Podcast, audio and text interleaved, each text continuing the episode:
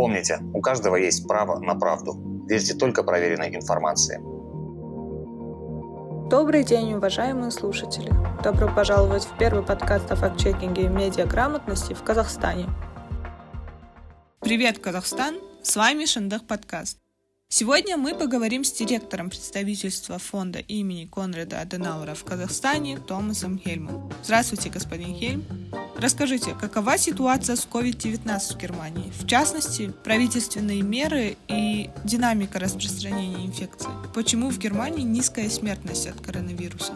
The situation in Germany on COVID-19 в последнее время ситуация с COVID-19 в Германии немного улучшается. Сейчас в Германии 135 тысяч um, человек, зараженных этим вирусом. Хорошая новость заключается в том, что в то же время 77 тысяч человек выздоровели. Um, Это хороший знак. Это более половины всех заболевших. Это означает, что показатели выздоровления растут быстрее, чем количество uh, новых инфицированных. Это не может не радовать. В Германии сейчас нам необходимо 35 дней, чтобы количество инфицированных удвоилось. Это значит, что мы находимся на правильном пути. Это маленький успех, но это успех. Поэтому я думаю, что это один из результатов того, что у нас хорошая система здравоохранения, и что в целом стратегия правительства по выигрышу времени в целом успешна. Я не фанат всего, что делает наше правительство в вопросах с COVID-19, но в целом они предпринимают правильные меры. Итак, одна из причин, по которой я считаю нашу систему здравоохранения хорошей, и то, что мы справились с проблемой вовремя, у нас в Германии 20 тысяч койко-мест на случай чрезвычайных ситуаций, и в течение последних четырех недель нам удалось увеличить количество мест в больницах на случай чрезвычайных ситуаций. С 20 до 30 тысяч. Таким образом, на данный момент мы можем работать с каждым отдельным случаем заражения COVID-19, в чрезвычайной ситуации. Никто не остается без мест в больнице. Созданы специальные приложения в Германии, с помощью которых врачи узнают, где находятся свободные места в больницах, чтобы доставить зараженных людей туда, где они еще есть. В общем, все проходит успешно. Мы должны помнить одну вещь. Наша система здравоохранения так хороша, благодаря хорошо работающей экономике. Много людей в Германии работают и платят высокие налоги за систему здравоохранения, и поэтому мы должны следить, чтобы в этот период оставался закрытым и коротким, насколько это возможно, потому что только текущая экономика позволяет нам иметь такую систему здравоохранения. Так что, если начнется экономический спад в Германии, то система здравоохранения после какого-то времени тоже очень сильно пострадает the healthcare system will follow in a period of time. Господин Хельм, сравните меры, предпринимаемые Казахстаном и Германией в борьбе с эпидемией COVID-19. В чем отличие и схожесть? Uh, Итак, если вы хотите uh, сравнить меры, принятые в Казахстане и в Германии, основное различие между этими uh, странами заключается в том, что в Германии мы стараемся избегать контактов между людьми, а в Казахстане людей заставляют оставаться в основном дома. Таким образом, в то время как в Казахстане вам разрешается выходить из дома, ходить в продуктовый магазин или на работу, если вы занимаете должность на предприятии, которое функционирует, или идете выбрасывать мусор, то в Германии вы можете покинуть свой дом в любое время, но вам разрешено либо выходить на улицу с людьми, которые являются членами вашей семьи, то есть детьми, или людьми, с которыми вы проживаете в одной квартире, или можно находиться на улице с двумя людьми одновременно на близком расстоянии. Это может быть друг или кто-то, кого вы знаете. Таким образом, только два человека могут находиться на улице вместе, если они не являются членами одной семьи. Это означает, что вы можете бегать или что-то еще только с одним человеком, но не больше. Итак, что мы пытаемся делать в Германии? Это держать дистанцию. В продуктовом магазине вы должны иметь минимальное расстояние полтора метра между людьми людьми, установлено максимальное количество людей в продуктовых магазинах и так далее. Таким образом, дело не в том, чтобы заставлять всех оставаться дома, а в том, чтобы избегать контактов и сохранить дистанцирование от общества. Я думаю, это более уместно, потому что сейчас, весной, невозможно будет держать людей дома. Люди чувствуют болезненность и усталость от пребывания дома. Они впадают в отчаяние, у них возникают психические расстройства. Конечно, в Германии также закрыты туристические места и спортивные площадки, но вам разрешено гулять на солнце, вы можете гулять в парках. Даже зоопарки в Германии очень скоро снова откроют. Но, конечно, они позаботятся о том, чтобы вы держали дистанцию между людьми. Я думаю, что это более подходящий способ, потому что пребывание на свежем воздухе полезно для здоровья. И, как я уже сказал, главная цель – соблюдать расстояние, чтобы избежать заражения.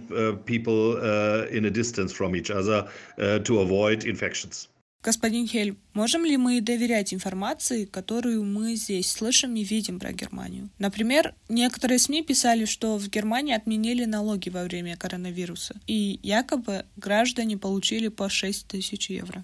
На третий вопрос, который вы задаете, я бы хотел ответить, что это зависит от источника, от того источника, в котором вы это прочитали. Я бы uh, порекомендовал послушать немецкие источники, uh, немецкие новостные журналы или официальные сайты uh, национальных органов власти. Это могут быть новостные каналы других стран, возможно, из России и другие, которые пишут фейковые новости о Германии. Но если вы берете официальные источники, вы определенно узнаете правду об этом. Правильно, это неправда, что немцы получают 6 тысяч евро, но людям в этой ситуации оказывают большую помощь. Позвольте мне рассказать рассказать вам некоторые детали. Существуют выплаты для очень маленьких немецких компаний. Если в компании до 5 сотрудников, то она получает 9 тысяч евро от правительства. Если до 15 сотрудников, то 15 тысяч евро. То есть, например, чтобы платить за аренду, если вам приходится закрыть магазин, э, например, небольшое кафе, небольшое туристическое агентство, ресторан, они закрываются, но и им нужно платить текущие расходы. Вот поэтому они могут подать заявки на эти деньги, о которых я говорил. Существует огромный и отличный инструмент, который у нас есть на данный момент и который я бы рекомендовал внедрить также Казахстану и другим странам. Это система краткосрочной компенсации труда, которая означает, что люди не уволены. Компании в Германии, и это полмиллиона компаний, попросили эту краткосрочную компенсацию за работу, которая означает, что работник э, получит 60% от их дохода и 67%, если у них есть дети. Вместо того, чтобы ходить на работу и работать по несколько часов в неделю, может быть 20 часов или что-то в этом роде, они получают эти деньги от государства. Это означает, что люди не становятся безработными. Они получают меньше, но остаются на должностях. Это самое большое преимущество, которое Германия имела в последний экономический кризис, потому что у людей все еще были контракты, они все еще были наняты компанией. А когда кризис закончился, компании немедленно вышли на рынок и смогли поставлять продукты, потому что им не нужно было нанимать новых сотрудников. Эта кратковременная компенсация работала очень хорошо во время кризиса 2008-2009 годов. И сейчас мы делаем то же самое. А, Еще, возможно, для тех людей, которые сейчас страдают из-за того, что доход сейчас ниже, чем раньше, может быть, э, они получили краткосрочную компенсацию за работу 60% от их дохода, они могут отложить выплату аренды за квартиру на 3 месяца, и их не выгонят из квартиры в этот период. Я бы сказал, что они в любом случае должны будут заплатить позже. Это не значит, что им не нужно платить за аренду вовсе. Не просто позже. Такие меры действительно существуют. So, but these things are really existing. Появился новый термин – инфодемия. Огромный поток фейков, связанный с пандемией. Каковы причины этого явления и как с этим в Германии? Четвертый вопрос, который вы мне задали, касается uh, причин инфодемии. Это действительно очень хороший и очень важный вопрос на данный um, момент. Эта uh, пандемия коронавируса стоила огромных убытков и положила конец мировому экономическому захвату. Такого никогда не было раньше. Миллионы um, людей стали безработными по всему миру. Многие люди страдают и отчаялись, и, конечно, в такой ситуации инфодемия может нанести огромный ущерб, потому что люди очень открыты для того, чтобы верить в теории заговора. Давайте я приведу самый очевидный пример. В мире должны знать и знают, что пандемия началась в Китае, что вирус появился на рынках диких животных в городе Ухань в провинции Хубэй в Китае. Может быть, он перешел от летучих мышей на других диких животных, но несколько недель назад появились слухи о том, что этот вирус появился не на рынках животных, а был произведен в лаборатории в Китае. Только представьте, какие фейковые новости появляются сейчас. Если этот вирус вышел бы из лаборатории, это не было бы несчастным случаем, это было бы случайностью. За этим стояла бы стратегия. Это был бы тот ущерб, который сейчас терпит весь мир и вся мировая экономика. Это привлекло бы за собой ответную реакцию и даже более опасные угрозы, такие как призыв к войне. Такие вещи очень опасны, и всегда возникает вопрос ответственности в таких ситуациях. Мы должны быть уверены, что информация подтверждена, что это правда, что она соответствует всем доказательствам, которые у нас есть. А как защитить себя от ложной информации? Как часто, по вашему мнению, распространяются пандемические фейки и манипулятивная информация? Fake news Фейковые новости и ложная информация определенно большие проблемы во время пандемии. Um, Конечно, фейки были всегда проблемой, но в этой научной ситуации они имеют um, особый характер. Поэтому, чтобы защитить себя от um, этого, просто заходите на официальные сайты. Например, в Германии у нас есть много uh, уполномоченных организаций, таких как Институт Роберта Коха. Институт Роберта Коха – это известнейший институт в таких областях, как эпидемия, uh, вирусы и так далее. Это всемирно uh, известная организация. Также похожие молодежные организации, такие как Институт Джона Хопкинса, очень известны во всем мире. Итак, используйте официальные сайты этих организаций, чтобы посмотреть, какие ограничения у нас есть на данный момент в нашей жизни. Посмотрите официальные сайты правительства Казахстана и Германии, чтобы быть уверенными в информации, которая распространяется вокруг. В Германии, где у нас есть свободные СМИ, вы также можете использовать официальные сайты таких крупных СМИ, как Frankfurt Allgemeine или Spiegel, или другие. Там можно найти довольно качественную информацию. Конечно, у нас в Германии тоже есть проблемы с фейковой и манипулятивной информацией. Не только о процессах, которые происходят в этой пандемической ситуации.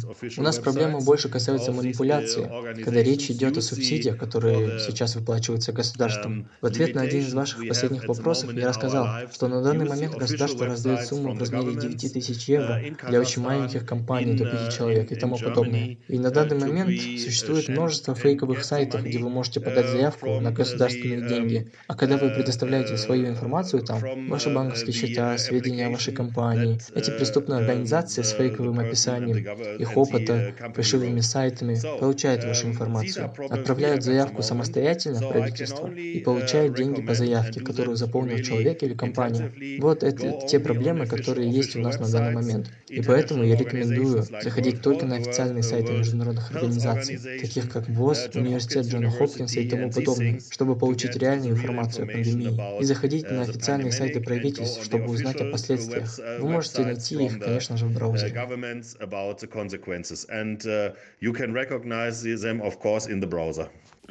Чему Казахстан может научиться у Германии, в том числе в борьбе с пандемией? Какой совет вы бы дали правительству Казахстана или конкретно министру здравоохранения и всем казахстанцам? Отвечая на вопрос, чему Казахстан может научиться в Германии, я бы хотел сказать, что это не тот момент, когда нужно учиться в Германии. Это тот момент, когда нам нужно учиться друг у друга, потому что не существует ни образов, ни ошибок для такого рода кризисов. Мы все во всем мире учимся, и мы должны обмениваться информацией, и как это должно выглядеть, и что можно сделать в той или иной ситуации. Мы в Германии, я думаю, мы справились довольно хорошо, но мы также далеки от идеала. Если рекомендовать что-то, чтобы Аденауру порекомендовал, чтобы в Казахстане перестали совсем закрывать все, а пошли больше в направлении избежания интенсивных контактов между людьми. Это означает больше социальное дистанцирование. Значит, что люди могут выходить на улицу, что они могут пойти на работу или еще куда-нибудь но им нужно э, держать дистанцию. Это означает, что офисы могут эм, работать только наполовину. Кто-то идет домой, а э, кто-то работает в офисе. И люди сменяют работу в домашнем офисе и в рабочем, и подобное. Потому что такие действия намного больше эм, переведут к обычной жизни. Другое дело, я бы, конечно, рекомендовал Казахстану говорить о произошедшем как можно раньше, потому что это должно касаться не только вопросов здоровья, но и развития экономики, общества в целом. Я знаю, что в особенности развивающиеся государства, а Казахстан развивающееся государство, в настоящий момент находится в затруднительном положении, потому что долгое закрытие всех отраслей экономики принесет действительно очень сильный вред, как вы понимаете. У Казахстана есть общий интерес по части возобновления и запуска мировой экономики. Вы видите, что цены на нефть упали и находятся на очень-очень низком уровне, и Казахстан сейчас не зарабатывает. Так может оставаться на какое-то время, но ненадолго. И поэтому у Казахстана есть взаимный интерес, чтобы как можно скорее все открыть. Поэтому подумайте больше о социальном дистанцировании, сохранении нормальной жизни для людей, не запирая их дома, но в то же время так, чтобы организовать их жизнь, сохраняя дистанцию. Жителям Казахстана я хотел бы пожелать пожелать удачи в сложившейся ситуации. Сохраните спокойствие, верьте в свои сильные стороны. Казахстану 30 или почти 30 лет. Он преодолел множество трудностей. За эти 30 лет истории вы достаточно сильны, чтобы пройти через это. Я желаю вам всего наилучшего. You are strong enough uh, to um, to go through this as well, and I wish you all the best for that. Спасибо, господин Хельм. На этом наш шестой подкаст подходит к концу. Спасибо, что вы были с нами и ждите наших следующих эпизодов. Берегите себя и своих близких. До свидания.